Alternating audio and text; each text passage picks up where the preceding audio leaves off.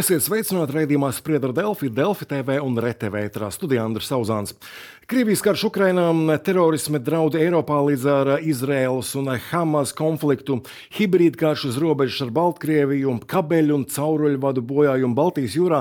Tas viss apliecina, cik dažādi un arī brīžiem negaidīti var būt apdraudējumi un situācijas, kas var skart Latviju. Kā Latvija pielāgojas um, ģeopolitiskās situācijas izmaiņām, kā gatavojas nākotnes iespējamajiem apdraudējumu scenārijiem, par to runāsim šajā raidījumā. Šodien studijā aizsardzības ministrs Andris Sprūts. Sveicināti! Sveicināti. Un eh, Delfī Nacionālo ziņu nodaļas redaktors Kārlis Arais. Sveiks! Sveiks. Eh, iesākumā gribēju parādīt eh, šo NATO strateģiskās komunikācijas izcīnības centra direktora Jāņa Sārta ierakstu vietnē X.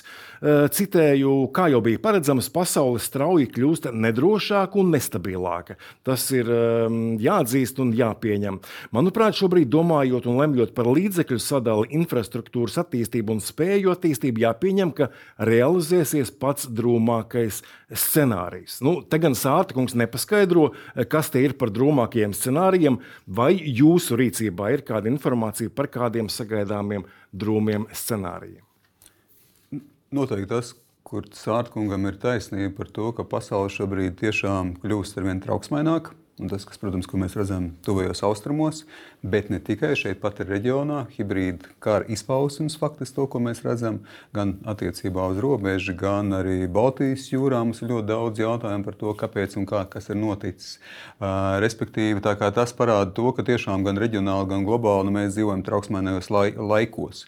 Un tāpēc uh, scenāriji skaidrs, ka var būt ļoti dažādi, bet atkal, nu, vispirms, kā aizsardzības ministri, ministram, man ir jāuzsver, ka mums ir jāgatavojas dažādiem negatīviem scenārijiem, un tas, kas notiek arī ar reģionāli, tas tikai to apliecina, ka tiešām šīs spējas un kapacitāte un reakcijas mehānismi ir jābūt teiksim, tā, sagatavoti dažādi, dažādi nelabvēlīgi scenāriji attīstībā. Un jāsaka, arī kopumā valdība ir izvirzījusi gan ārējo drošību, gan iekšējo drošību, kā arī šīs valdības eh, prioritātes, gan finansējuma ziņā, gan arī kopumā teiksim, šo te aktivitāšu ziņā.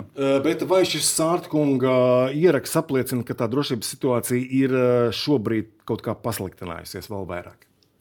Vēlreiz, ja mēs skatāmies globāli, tad tas, kas noticis tuvos austrumos, nu, apliecina to, ka tiešām šobrīd ne tikai šeit pie mums, diemžēl, traģiski turpinās Krievijas agresija Ukrajinā, bet arī ārpus mūsu teiksim, tiešā reģiona, bet tam absolūti tas, kas notiek globāli, tam ir tieši ietekme gan uz starptautisko kārtību, kas ir bāzēta normās, gan uz terorismu izplatību. Nu, mēs redzam, ka diemžēl šeit ir bijuši cilvēki, kas ir gājuši bojā Briselē, Francijā arī. Respektīvi, nu, tas parāda to, ka šeit eh, nenoliedzami ir savstarpējā sasaiste starp to, kas notiek ārpus reģiona un arī mums. Un, protams, arī šeit reģionāli, kā jau pieminēju, nu, eh, kritiskās infrastruktūras jautājumi, nelegālās migrācijas, turpina, turpinošs spiediens uz robežu. Nu, tas tika kārtīgi reiz parāda to, ka trauksmēnie laiki ir šobrīd, un viņiem jābūt gataviem. Mēs nevaram precīzi paredzēt, kāda būs teiksim, tā attīstības scenārija tuvākajā vai tālākajā nākotnē. Diezgan bieži teiksim, mēs gatavojamies, protams, krīzēm. Mēs esam daudz vairāk sagatavoti krīzēm, kas ir, teiksim, kurām, kuras mēs esam redzējuši un kurām mēs varam sagatavoties. Un jau attīstīt zinām lietu mehāniku, bet daudz sarežģītāk, protams, ir gatavoties jebkam, kas var notikt. Bet tajā pašā laikā ir jābūt gatavības kultūrai, jābūt ar mehānismiem, jābūt faktiski, kā es vienmēr saku, aizņemam šveicis pulkstenim, šajā gadījumā latviešu pulkstenim, kurš arī ir gatavs uh, reaģēt. Jūs esat pārņēmis šo ministriju, kā jūs vērtējat, teiksim, kopš brīža, kad jūs stājaties ministra amatā līdz šim brīdim, nu, tā situācija šo dažu mēnešu laikā ir pasliktinājusies eh, būtiski, nebūtiski, un kādā gatavībā bija, teiksim, tajā brīdī, kad jūs pārņēmāt ministriju? Vispirms par situāciju. Situācija Viņa kurā gadījumā ir bijusi izaicinoša, jo Krievijas agresija Ukrajinā turpinās jau uh, vairāk nekā pusotru gadu. Tā kā skaidrs, ka mēs saduramies šeit ar agresoru valsts, kas ir kaimiņos. Mēs saduramies ar to, ka kaimiņš ir tepatās šis agresoru valsts, kā kaimiņš ir pie mūsu robežas. Pilnīgi skaidrs, ka Baltkrievija ko es varu atkārtot. Es uzskatu, ka Lukašenko pašpasludinātais eh, valsts vadītājs, respektīvi, ir jau de facto anektēts. Eh, faktiski Baltkrievijas politika, drošības politika absolūti ir Krievijas dominēta. Eh, mēs saduramies jau ilgstoši ar Baltkrievijas hibrīdu karu izpausmēm, kas ļoti lielā mērā, protams, absolūti ir ar Krievijas pirkstu klātesošu, un vienlaikus mēs, protams, sadaramies konkrēti ar nelegālās migrācijas spiedienu uz robežas. Tā kā Šajā gadījumā nu, situācija bijusi izaicinājuša jau ilgstošā laika posmā. Vienlaikus, protams, ka nāk šie papildus elementi klāt. Vai... Respektīvi, tieši tā, kas bija tuvos austrumos. Runājot par gatavību, man, es teiktu, tā teikt, man pārliecība ir, ka šeit ir absolūti, zināmā veidā, nu, tā gatavības pēcsacība gan politiskā līmenī, un te nav milzīgas atšķirības starp ministriem, un kam ir jāpievērš uzmanība. Gan es tomēr teiktu, ka sistēma un arī bruņotie spēki ir gatavojušies ilgstoši, un līdz ar to, protams, ka gatavība nekad nav tā, ka nevar gatavoties, vēl vienmēr ir jāpapilda un jāpilnveidojās, bet kopumā gatavība ir um, augstā līmenī. Vai jauna draudu Latvijai varētu būt saistīta ar šo valsts prezidenta Edgara Rinkeviča izteikumu, kur mēs šobrīd varam paskatīties uz ekrānu par zemūdens infrastruktūras bojājumiem? Piemēram, Baltijas jūrā citēju, ja mēs redzam šādu veidu incidentus, manā izpratnē NATO vienkārši būtu uh, reāli jāslēdz Baltijas jūra kuģošanai. Nu, varbūt uh, šo ir Krievija kaut kā ļoti, ļoti nopietni ņēmusi un pa saviem kanāliem kaut ko uh, nu, īpašu atbildējusi. Es domāju, ka ļoti labi, ka prezidents dod skaidrs signāls par to, ka principā situācijās šādās, kurā tiek aizskarta kritiskā infrastruktūra, ir jārēģē. Ka mums ir jārunā no kopumā spēku pozīcijām, ka mums ir jābūt gataviem arī tīri sadarboties un um, šo reakciju veikt kopīgi. Protams, ka tas, ko arī prezidents, ja tomēr atļautos interpretēt, ir uh, domājis, ir tas, ka protams, šīs alternatīvas ir vairākas un dažādas, kā mēs reaģējam. Skaidrs, ka šeit būtu tāds absolūti apzināts, pierādītos, ka tas ir absolūti apzināts uh, Krievijas teiksim, tā, uzbrukums uh, pret kritisko infrastruktūru, tad noteikti šeit būtu jāapsver to, kā arī NATO kredibilitāte tiek uzturēta, kādā veidā tiek efektīvi ir nodrošināta. Skaidrs, ka tās alternatīvas uh, var būt dažādas. Šobrīd, kā NATO ir norēģējis, ir nosūtīta uh, mīnu kuģi uz, uz konkrēto reģionu ir arī eh, izlūk, teiksim, tā drona un izlūk lidmašīnas, kas arī teiksim, tā monitorē. Nu, respektīvi, pirmā reakcija, es domāju, ka ir ļoti teiksim, tā, nopietni, atzinīgi arī vērtējumi, parādot tieši tā, ka mēs šādi teiksim, tā, scenārijas neatstāsim bez ievērības. Mēs esam gatavi tam veltīt papildus uzmanību. Protams, kad ir jāstāsta tālāk, respektīvi, ja protams, šeit atklātos skaidri ļaunprātīgi apzināti arī agresoru valsts teiksim, tā rīcība, tad skaidrs, ka būtu jādomā par nākošo soli. Pieņemsim, ka neatklājās, jo, nu, būsim arī godīgi, agresoru valsts nav amatieri. Viņi var izveikt tās provokācijas ļoti dažādi, arī nu, teiksim, tā puslapeni, ka nevar atklāties. Un ko mēs darīsim, ja šāda veida provokācijas turpināsies, bet skaidri ar pirkstu mēs nevarēsim parādīt, ka to darīja Krievija. To arī Ķīna vai kas, bet nu, turpināsies šāda veida. Vai tādā brīdī bez it kā nu, skaidrs redzama agresora mēs varam rīkoties kaut kā slēgt, teiksim, jūru vai kā? Skaidrs, ka uh, ir jāpievērš tam, tam uzmanību, un tomēr es gribētu teikt, ka tas, kas jau šobrīd ir izmeklēšana, liecina, ka zinām rezultāti tomēr jau ar vien vairāk un vairāk konkrēti parādās. Tāpēc arī sākotnēji tieši šī nostāja tāda arī bija, ka nesteigsimies uzreiz pārāk ar teiksim, tiem priekšpieņēmumiem, kas ir noticis. Mēs redzam, ka nu, parādās konkrēt, konkrētas liecības, kas varētu arī būt noticis. Skaidrs, ka tur vienmēr ir salīdzinoši sarežģītāk pievienot to apzināti vai neapzināti. Un vai tas ir bijis ļaunprātīgi un tā ir politiska rīcība, vai tas ir lielā mērā nu, teiksim, arī kaut kāds eh, nejaušības incidents. Bet kopumā, protams, ka absolūti šajā reģionā mums jārēķinās ar dažādiem scenārijiem, jārēķinās ar to, ka šeit var būt arī apzināts rīcības, ka tā var būt daļa no hibrīda kara. Un tāpēc jau tieši šī arī NATO reakcija faktiski par to liecina, cik mēs to uztveram nopietni. Ka mums jāsargā savu kritiskā infrastruktūra, to dara arī Latvija nacionālā līmenī, bet eh, šobrīd, protams, parādījās arī, ka daudz starpsavienojumi starp valstīm un tie ir reģionāli, un ka šeit ir jābūt daudz lielākai klātesamībai vispirms NATO kopējā līmenī, teiksim, arī sabiedroto solidaritātei, jo tas ir viss mūsu interesēs, lai tieši tā nebūtu tā, ka mēs nereaģējam, un respektīvi gan monitorēšanas ziņā, gan klātbūtnes ziņā. Tas ir tas pirmais lielais solis, kas ir jāspēr, un tas ir ticis spērts. Vai atšķirtos NATO atbildē gadījumā, ja izrādītos, ka pie vainas saistībā ar šiem te infrastruktūras bojājumiem ir piemēram nevis Krievija, bet Ķīna? Es domāju, ka principā vispirms, kā es teicu, šeit ir jautājums par efektivitāti, respektīvi to, par kā mēs aizsargājam kritisko infrastruktūru. Tas ir primārais jautājums, lai mēs novēršam to, kas ir var notikt vai varētu notikt nākotnē. Un otrs, protams, kad ir konkrēti, tad būtu jāreģē uz tā, nu, šādu situāciju. Un, respektīvi, es negribētu tagad spekulēt, jo tad tiešām jābūt visām šīm detaļām klātesošām, bet tad nenoliedzam, ka konsultācija līmenis noteikti būtu jāpaukstina. Iespējams, šeit varētu padomāt arī par 4. pānta ieslēgšanu, kurā mēs ieslēdzam konsultācijas, ka tā jau ir lielā mērā, nu, ka teiksim, šeit ir apzināta konkrēta trešās puses rīcība, nenosaucot konkrēti šajā brīdī valsts, bet jā, rīcībai būtu jāsako. Tīri tehniski, ja neslēdz jūru kuģošanai, vai vēl kaut ko ir iespējams izdarīt, lai pasargātu mums svarīgos kabeļus un cauruļvadus? Es domāju, ka vispirms ir jautājums par to, kā kabeļi un cauruļvadi tiek arī, ja tā var teikt, fiziski nodrošināti. Un te zinām, ka šeit faktiski ir arī zināmā veidā jau aizsardzība ielikt, jau kā šie kabeļi arī tikt ielikt, bet noteikti ne arī visur ir daudz, un šiem kabeļiem ir privātai skaitā.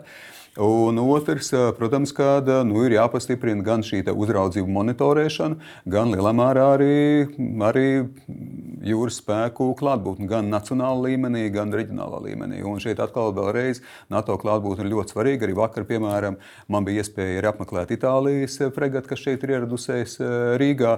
Un ļoti labi, jo tas parāda to, ka Baltijas jūra absolūti ir no vienas puses, kā mēs sakām, NATO ezers, jo skaistīgi iestājoties gan Somijai, gan arī Ļoti cerēsim, ka pat arī Zviedrijai tiešām šeit, es domāju, daudz lielākas iespējas absolūti kopīgi arī koordinēt lietas un uzraudzīt un stiprināt un aizsargāt kritisko infrastruktūru, bet tajā pašā laikā cerēsimies, ka eh, Baltijas jūra šobrīd ir atvērta jūra priekš starptautiskās tirzniecības, un šeit mums ir gan Kaļiņģerada, gan arī Sanktpēterburga, kas, eh, nu, mēs vēlreiz atkārtosimies, ir kaimiņu valsts, ko mēs eh, absolūti pamatoti definējam kā agresoru valsts. Izraels un Hamas konflikts, ar ko tas varētu būt bīstams mums, vai ar terorisma draudu pieaugumu Eiropā, vai vēl ar kaut ko citu? Um, kā jau minēju, primārais, protams, kad vēlreiz atkārtošos, absolūti nežēlīgi, brutāli vēršanās pret civiliedzīvotājiem. Uh, teroristisku organizāciju. Latvija ir nosodījusi, Latvija ir arī absolūti izteikusi atbalstu Izrēlai tajā ziņā, ka Izrēlai ir tiesības uz pašaizsardzību, ka Izrēlai ir tiesības novērst šādus teroristiskus uzbrukumus pret saviem civilizētājiem nākotnē, un arī šobrīd, protams. Tā kā faktiski Izrēlai ir visas tiesības aizsargāt sevi un darīt visu, lai teroristiska organizācija tiktu kā minimums novājināta vai iznīcināt. Progresīvie jaunatnes biedrība protests aicina Latviju panākt Eiropas Savienības līmeņa moratoriju militāru ekipējumu, lai nenodotu militāru ekipējumu Izrēlai, kāda veida tādā veidā piespiežot pārtraukt Izrēlai aviācijas uzbrukumus ar to starp civiliedzīvotājiem. Uh, nu, jūs tikko teicāt, ka atbalstam, nosodam Izrēlai tiesības aizsargāties pretrunas, jaunatnes, aska, jaunatnes karstasinība. Ja šeit nekādu pretrunu nav. Jo vēlreiz politiskajā spēkā, politiskajā partijā progresīvie e, ir nostāja par to, ka pilnīgi skaidra nostāja, nepārprotami e, vienprātīgi nostāja par to, ka Tie ir bijuši nežēlīgi teroristiski uzbrukumi pret civiliedzīvotājiem, ko mēs esam redzējuši Izrēlā, kurā gājuši bojā daudz eh, civiliedzīvotāju. Tiešām ļoti nežēlīgi tas ir. Teiksim, tā, šī, šie terori uzbrukumi ir bijuši realizēti. Tas, ka absolūti Izrēlē ir tiesības uz pašaizsardzību, un Izrēlē ir Izrēla šajā gadījumā politiski, diplomātiski jāatbalsta visiem iespējamiem eh, līdzekļiem. Un, protams, arī tas, ka mm, Izraēlē ir tiesības arī vērsties pret teroristiskām organizācijām. Šeit absolūti ir vienprātība, un šeit nav, nav nekāda jautājuma. Tur, kur varbūt ir zināmā veidā akcentu, kaut kādas atšķirības, kā demokrātiskā spēkā ir iespējams, tas noteikti arī izriet no tā, kā kopumā ar Eiropas Savienību reaģē, un ne tikai Eiropas Savienība, bet arī ASV.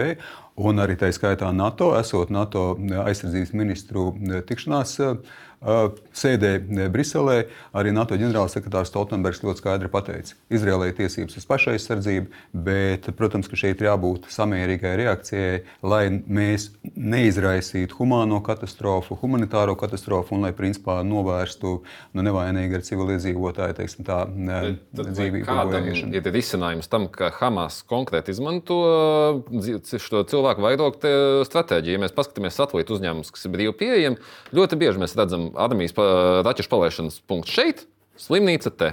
Raķešu palaišanas punkts bērnu dārzs šeit. Skaidrs par bērnu dārzu neviens negrib uzbrukt, bet no turienes tiek uzbrukts un tur ir teroristi. Ko šai brīdī tādā gadījumā Izraēlai darīt? Jo arī no protestu jūtu un daudziem, kas iestājās par līdzīgu viedokli, mēs dzirdam šo te, vai jau aizsargājas, bet neuzbruk civiliedzīvotājiem. Mēs arī piekrītam tam, visi šeit studijā, bet kāds tad ir risinājums? Jo neviens līdz šim nav skaļi pateicis, kāds ir risinājums. Un varbūt ir NATO līmenī kaut kas runāts, ko darīt šādās situācijās. Jo... Nu, es tomēr negribēju šeit iet tādās militārās detaļās, kāds ir konkrēti risinājums konkrētais pēc operācijas. Es domāju, ka vispirms tas ir Izraels lēmums par to, kāds ir šīs risinājums. Izraela to arī realizē konsekventi. Tā savas tiesības uz savu pienākumu uz pašaizsardzību un teroristiskas organizācijas likvidēšanu.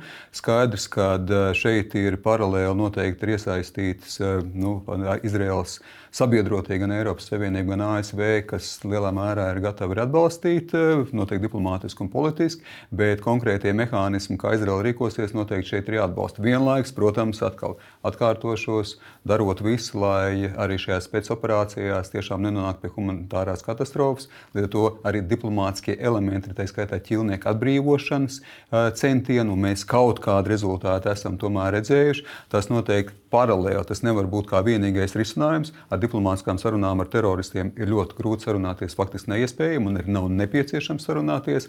Bet eh, līdz ar to, protams, ka šī spēka pozīcija absolūti pamatot un pašaizsardzības tiesības un spēcoperācija, kas ir jāveic, eh, viņi var tikt vienlaikus papildināt gan ar diplomātiskām aktivitātēm, gan arī tā skaitā humanitāro palīdzību eh, gāzes civiliedzīvotājiem. Ja dažādos veidos atbalstām Ukrainu arī ar ieroču piegādēm, vai būs atbalsts arī Izraēlai?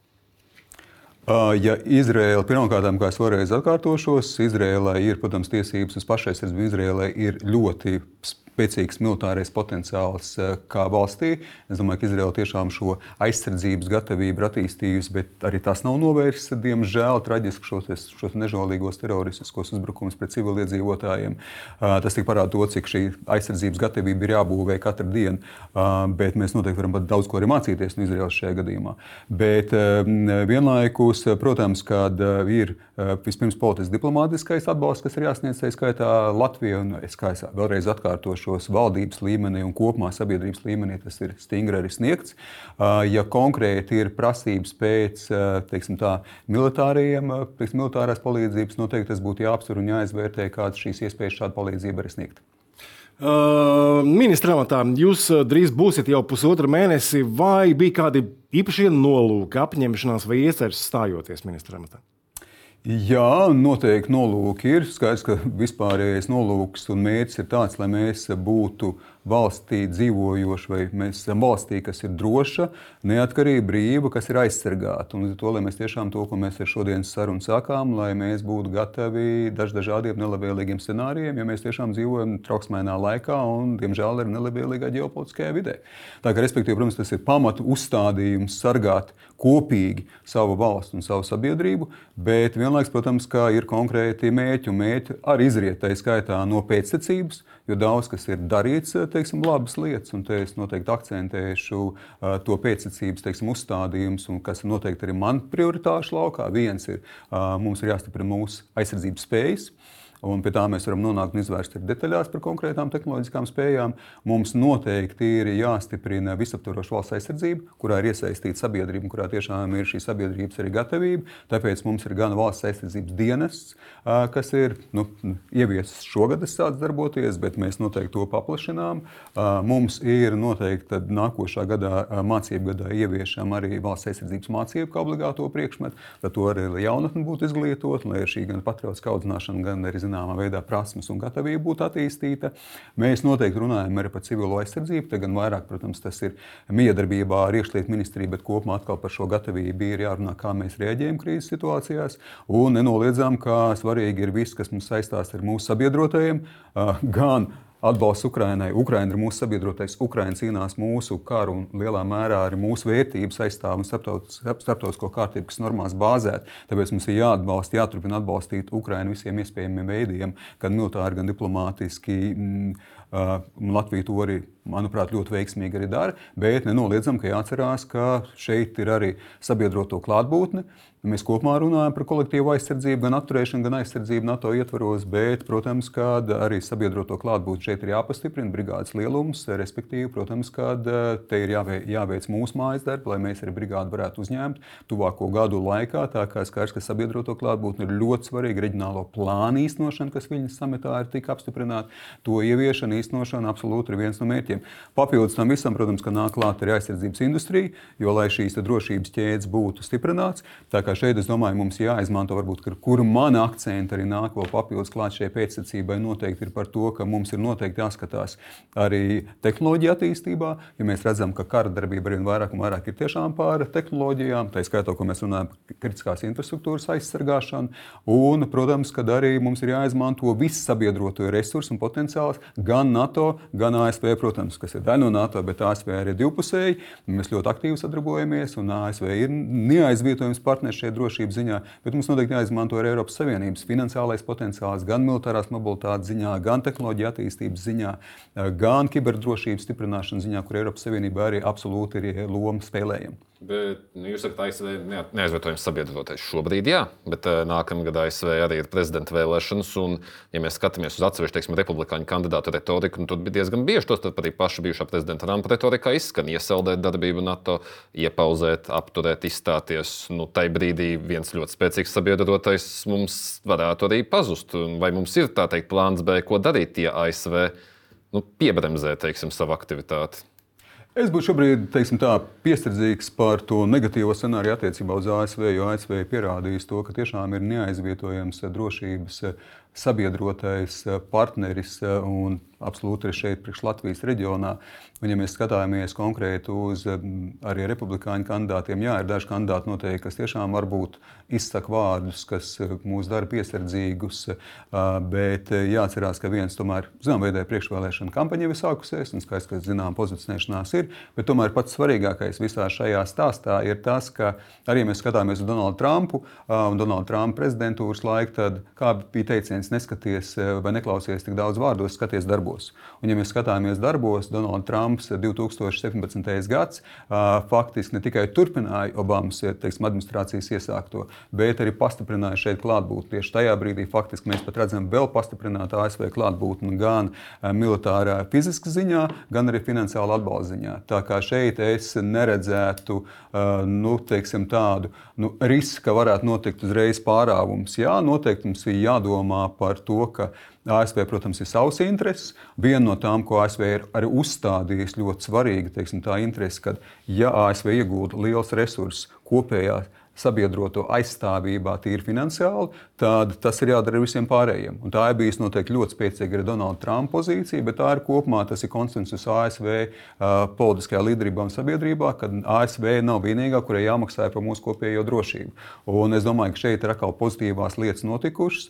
Respektīvi, mēs jau pirms dažiem gadiem runājām par nu, teiksim, valstīm, kad bija 5, 6, kurām bija 2%. Šobrīd mēs runājam par 11%. Mēs redzam jau teiksim, tos plānus, ka tuvāko gadu laikā tas skaits pakāpeniski un tā, uzstājīgi un konsekventi arī palielināsies tīri valsts ziņā, ka šos 2% arī maksā. Un tās, kas valsts varbūt ir 2%, vēl nav gatavas uzreiz, teiksim, šodien un tagad samaksāt, tad viņas tomēr dara visu, lai ieguldītu šos resursus dažādiem citiem arī līdzekļiem un stiprinātu aliansi. Tagad es domāju, ka šis solidaritātes jautājums ar ASV ir pilnīgi taisnība, un to arī Latvija absolūti akcentē. Un tieši tāpēc gan mūsu nostāja un sapratne par to, ka mums ir jāiegūda 27. gadā 3%, mēs uz to ejam, bet respektīvi mēs arī aicinām vienmēr savus sabiedrotos kad mums visiem ir jāiegūda alianses ietvaros 2%, lai arī nerastos šie jautājumi, kāpēc kāda valsts varbūt iegūda vairāk finansiālos resursus un kāda varbūt. Turpinot pār ASV un uh, pieskaroties jautājumam par bruņojumu iegādu uz ekrāna, varam paskatīties uh, šo jūsu ierakstu. ASV valsts departaments atbalsta sešu Himars raķešu artērijas sistēmu pārdošanu Latvijai. Iegādāsimies arī augstas precizitātes un tāls darbības uh, atakums raķetes. Kad šīs sistēmas varētu nonākt? Latvijā? Uh, jā, šobrīd ir vispirms mums jānonāk pie līguma parakstīšanas, bet šobrīd ir zaļā gaisma dot no valsts departamenta. Tas ir tāds svarīgs, svarīgs solis, lai mēs spērtu nākošos soļus. Respektīvi, nākais, nākamais solis ir tiešām līguma parakstīšana. Tā varētu notikt tuvāko mēnešu laikā. Principā es arī plānoju tuvāko nedēļu mēnešu laikā arī būt vizītē ASV, un principā tad arī šis līgums varētu tikt parakstīts. Un, respektīvi, bet tajā pašā laikā tas jau ir zaļā gaisma ir dota, kad nu, mēs esam tie partneri, kas, ir, kas iegādāsies arī Haimārs. Bet man uzreiz, protams, ir jāsaka, ka Haimārs sistēmas šobrīd ir ļoti pieprasītas. Jo viņas ir pierādījušas savas spējas arī apst, reālos kara apstākļos. Tāpēc, protams, kā Haimārs sistēmas šīs daudz laižu raķešu artērijas sistēmas, tālas darbības arī tā skaitā, protams, kā daudz mūsu arī sabiedroto valsts arī teiksim, tā, pēc viņām tiecās. Līdz ar to mēs runājam par vairākiem gadiem, kad šīs sistēmas pie mums arī nonāks. Tāpēc paralēli to, ko mēs arī risinām, ka kamēr arī līdz mums nonāk konkrētās uh, sistēmas, kuras mēs paši esam iepirkuši. Šeit ir rotācijas kārtībā arī nāk sabiedroto sistēmas. Haimāram, tas, ir, tas ir viens nozīme, bet viena ļoti būtiska lieta, kas ir vajadzīga, ir arī pretgaisa aizsardzība. Un kā mums ir, vai mums spīd tuvākā laikā ne, kaut vai nu, Baidendam, protams, ne, bet patrioti, piemēram, vai varētu būt, vai noteikti darbs, lai mēs, teiksim, tiktu pie kādām pāris patriotu sistēmām arī? Uh, jā, mēs runājam šobrīd par slāņa veida pretgaisa aizsardzību, absolūti pretgaisa aizsardzību. Baltijas kopējā kontekstā vai Latvijā tikai? Gan, gan, bet te ir teiksim, slāņa veida pretgaisa aizsardzībā. Mēs vispirms runājam par tuvējās darbības, pretgaisa aizsardzību, tuvējās darbības pretgaisa aizsardzību. Šobrīd ir es teiktu, tā moderna pretgaisa aizsardzība, tuvējās darbības uh, sistēma. Respektīvi, tā ir Zviedrijas abi izstrādāta RBS sistēma. Tā tiek uzskatīta par vienu no vismodernākajām sistēmām. Un šeit mēs, protams, arī turpināsim šīs sistēmas ieviešanu, arī stiprināt tuvējās darbības uh, pretgaisa aizsardzību. Tālāk, mazliet tālākas darbības. Nākošais solis ir mums šobrīd ir iet par vienošanās parakstīt ar, kopā ar Igauniju un Vāciju par ARST sistēmas, kas ir vidējās darbības uh, rādījus pretgaisa aizsardzības sistēma, respektīvi, kas faktiski varētu parādīt parādīties jau pirmās teiksim, šie te elementi pēc jau līguma arī parakstīšanas. Tā skaitā faktiski šobrīd notiek pēdējie testi un pēdējie sarunu procesi. Arī šim līgumam jābūt parakstītam šī gada ietvaros. Tā kā respektīvi, un te ir arī valdība ir devusi vienu miljardu eiro pretgaisa aizsardzības sistēmas pilnveidošanai. Tā kā absolūti tas ir apliecinājums arī teiksim, šis finansiālais ieguldījums ir apliecinājums šai politiskajai un strateģiskajai un aizsardzības nepieciešamībai un arī prioritizēšanai. Un, principā, ar 2025. gadu pirmie elementi varētu arī vidējās darbības rādījus sistēmu parādīties šeit Latvijā. Atgriežoties pie Haimars raķetēm, gribēju precizēt, kāpēc bija nepieciešams šis ASV valsts departamenta atbalsts, atļauja zaļā gaisma. Uh, valsts aizsardzības departaments principā visiem ārzemju iepirkumiem, uh, vis, visiem uh, tas, kas tiek teiksim, pārdots uz ārpusi, tā skaitā arī sabiedrotiem, šeit ir vajadzīgs valsts departamenti, ja tā var teikt, akcepts par to, ka tas ir nepieciešams, ka tas stiprinās gan konkrēto sabiedroto, gan arī sabiedroto aliansi kopumā. Kā, līdz ar to, protams, kad, kā jau minēju, šeit ir virkne valsts, kas ir iesnieguši šādu pieprasījumu, tāpēc arī nu, tikko mēs esam saņēmuši ar valsts departamentu apstiprinājumu to, ka šādam darījumam ir zaļā gaisma, kas ir kopumā pozitīvi. Par eh, bruņojumu iegādi vienmēr eh, būs arī kāds interneta ekspertu viedoklis uz ekrāna. Šobrīd varam paskatīties šo ierakstu. Eh, aizsardzības ministrs Sprūts anoncēja armijas ultravieglo helikopteru iegādi ar pavadošiem vārdiem, ka apbruņots tas spēj iznīcināt ienaidnieku tehniku tuvās distancēs. Man domāt, nespēja gan. Nu, proti, ir radušās šausmas par to, kādu bruņojumu un tehniku iegādājamies. Nu, kā tiek izvērtēts, ko un kādu tehniku pērkam? Lai būtu skaidrs, aizsardzības ministram šeit eh, nav tā lielākā teikšana. Šeit lielākā teikšana Nacionālajiem bruņotajiem spēkiem. Viņi vērtē visas šīs aizsardzības eh, nepieciešamības. Ir konkrēti Nacionālajā bruņoto spēku attīstības plāns, kas arī tiek regulāri papildināts, pastiprināts, korģēts atbilstoši to, ko mēs redzam konkrēti, tas, kas notiek arī reāli kara darbībā. Uh, respektīvi, tā kā šeit faktiski Nacionālajie bruņotie spēki ir tie, kas ir lielā mērā arī teiksim, šī, šo te sistēmu viena no galvenajiem pieprasītājiem un tie, kas arī teiksim, tā virza, uh, virza dienas kārtību par to, kas mums ir nepieciešams, lai mēs uh, efektīvi aizsargātos. Tas ir punkts numur viens. Punkts numur divi - atkal uh, mēs šeit redzam bildē. Uh, Blackhawks, mēs redzam apačus, Bet, eh, protams, ka ir dažādas helikopteru sistēmas. Šajā gadījumā tieši tā mēs runājam, ka mums ir četri Blackhawk. Uh, tie var izmantot. Četri vai trīs? Četri. četri. Mums ir četri. Mums ir trīs, plus vēl mēs saņēmām no ASV papildus vienu Blackhawk, tā kā mēs runājam šobrīd par četriem Blackhawkiem lielvārdē. Tā kā viss cieņu un šī sadarbība ar ASV turpinās, šeit uzreiz ir jāsaka, ka papildus ir arī ASV finansējums, kas ir tiešām atkal kārtībā reiz apliecina to šo strateģisko mūsu sadarbību, kurā ar ASV ne tikai iegūda ar savu klātbūtni, bet arī finansiālu atbalstu. Tā kā, respektīvi, šajā gadījumā es domāju, ka ļoti veiksmīgi, ka šī strateģiskā arī partnerība tiek stiprināta, bet, ja runā konkrēti par tehnoloģijām, tad jā, mēs esam devuši vieglās klases helikopters eh, mūsu Ukraiņas sabiedrotajiem, un respektīvi šeit ir bijusi arī nepieciešamības vieglās klases helikopteriem šeit eh, eh, Latvijā. Viņi ir multifunkcionāli, tāpat kā Blackhawk. Katram ir sava funkcija. Ja runā par vieglās klases helikopteriem, tad viņiem ir lielākas manevru iespējas. Skaidrs, ka šeit joprojām ir arī saskaņošana par to, kādas sistēmas, tā skaitā ieroču sistēmas, var tikt izvietotas uz šiem helikopteriem. Atkal neiešu detaļās, bet kopumā, ja šādas sistēmas ir izvietotas, tad tikpat labi ar šīs vieglās klases helikopteri ar savām manevru iespējām var tikt izmantot arī kara darbībā. Esam tātad ieviesuši valsts aizsardzības dienas sistēmu. Vai šī sistēma šobrīd varam secināt strādā labi, vai ir nepieciešams kaut kādas korekcijas? Valsts aizsardzības dienas ieviešana vēlreiz ir ļoti svarīgs nozīmīgs solis kopumā visaptvarošas valsts aizsardzības stiprināšanā. Mums jāatcerās, ka arī valsts aizsardzības koncepcijā, kas tikko kā saimā Faktiski vienbalsīgi 99 deputāti ar vienu neklātesošo tika arī apstiprināti. Tā kā vienbalsīgi arī tika apstiprināta gandrīz pilnīgi visa saimnes deputāta klātbūtne, respektīvi, kurā arī viens no konkrētiem kvantitīviem skaitļiem ir par to, ka mēs palielinām mūsu apjomu, mūsu skaitlisko sastāvu kara apstākļos līdz 61 tūkstotim.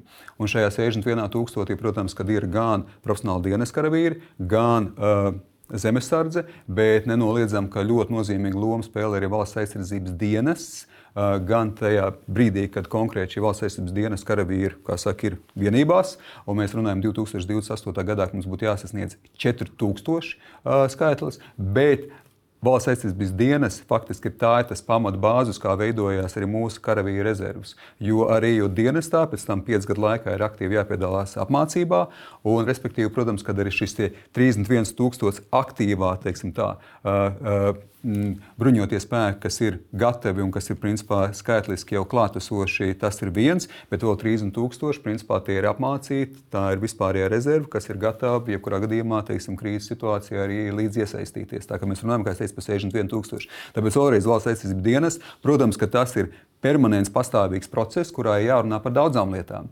Gan par to, ka mēs šobrīd, protams, pirmajā gadā uh, aptuveni zem 300 ap 260 cilvēkiem ir brīvprātīgi. Šogad mums tagad ir 150 brīvprātīgie, kas sāks 1. janvārī, bet mēs jau 2027. gadā kopumā plānojam 600 cilvēkus. Un, respektīvi, Līdz 1. decembrim var iesaistīties brīvprātīgi, pēc tam būs arī šī atlases pēc nejaušības principa, kas jau tiks arī būtībā nodrošināt, nodrošināt šo skaitli ar iesaukumu palīdzību. Bet vai šodien ir kaut kāds agrīnās idejas, kāda varbūt konversija no tiem, kas iet uh, vadā uz pārējais profesionālo dienas? Nu, kaut kāds varbūt ir jau aptaujas iekšējās veikts, uh, mikroklimats testēts, jo nu, es pieņemu, ka tas ir viens no mērķiem, ir, ka ir tā konversija Absolut. no vada uz profesionālo dienas. Es domāju, ka šeit ir tā, tā konversija vai tā pēcticība gan ir balsts aizsardzības mācība, kas pēc tam, teiksim, tā arī iegūst prasības prasmes, un ir gatavi arī ies, ies, iet brīvprātīgi valsts aizsardzības dienestā. Un, respektīvi, protams, kāda ir arī teiksim, tā, šī loģiskā konversija, kā jūs teicāt, vai pārēja no valsts aizsardzības dienesta uz profesionālo dienestu.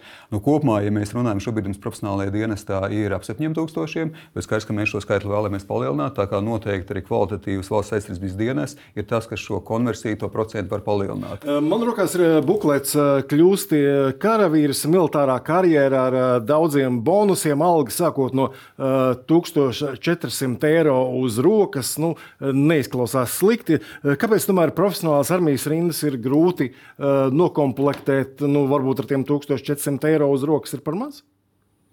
Noteikti vienmēr var pielikt, pielikt vēl, vēl klāt, bet es domāju, ka kopumā tiešām ir daudz kas darīts, un, un kā jau teicu, 1400 uz rokas, bet vēl ir papildus arī dažādas piemaksas un arī iespējas arī būt starptautiskās misijās. Un, protams, ka šobrīd, tā, ka mēs runājam arī konkrēti par mūsu kaujas tehnoloģiskajām spējām, es domāju, ka šobrīd tiešām jauniem cilvēkiem, kas iet tās izvēles iespējas, arī tas nav tikai par tā, par sauszemes eh, būt karavīri, bet iespējas eh, līdzdarboties, iesaistīties, tikt apmācītam gan uz haimāru sistēmām, gan jūras spēkos, gan gaisa spēkos, gan pretgaisa aizsardzībā. Protams, ka šobrīd tiešām ir arvien daudz, daudz pievilcīgāks un interesantāks. Tā kā skaidrs, ka tas nāk ne tikai ar atalgojumu, tas nāk arī ar to, kā mums bruņoties spēki attīstās kopumā. Un es domāju, ka šobrīd man gribētos teikt un domāt, ka tiek darīts viss, lai faktiski arī priekš jauniem cilvēkiem šajā situācijā, kurā gan patriotisms ir nepieciešams, gan vēlme aizstāvēt savu valsti, gan arī lielā mērā saņemt kvalitatīvu dienestu, kas tiešām ir arī par tehnoloģijām. Jā, un arī stāstīt, ka tas viss ir interesanti. Jā, tieši tā, ir skaitā. Tā, ir skaitā. tā kā man gribētos domāt, ka kopumā arī, kā jau mēs tikko noslēdzām tēmu vai par šo konversiju vai pārēju, ka tas tikai arī stiprinās un ka kopumā nu, noteikti būt par karavīru tas ir gan cieņpilni, gan ar lielu lepnumu un patriotismu, gan vienlaikus tas arī dod konkrēts prasības. Bet jā, jauni jauniešiem šobrīd ir izvēles, protams, iespējas. Līdz ar to skaidrs, ka šeit ar bruņotiem spēkiem ir jāparāda to, ka tiešām mēs esam moderni, efektīvi, viedi, arī tā skaitā ar prasmēm, kas tiek iegūtas, kas var tikt izmantotas arī gan turpinot dienestu, nesot rezerves karavīram, gan arī, protams, arī civilajā, civilajā dzīvē. Un, protams, atkal, piemēram, mēs runājam par brīvprātīgajiem vai kopumā par valsts aizsardzības dienestu, tad šeit arī dienējušiem tiks nodrošināta studiju stipendijas tie, kas arī studēs. Tā kā faktiski šeit ir vēl papildus elementi motivējošie, kas noteikti aicina jaunos cilvēkus iesaistīties un aizstāvēt mūsu valsts kopīgi. Te arī saku paldies raidījumu viesim aizsardzības ministram, saku paldies arī Kārlim. Nākamais sprieda ar Delfiju raidījumu Sētrā vakarā rīt tajā izjautāsim klimata un enerģētikas ministru Kasparu Melni. Šodien paldies, ka skatījāties uz tikšanos!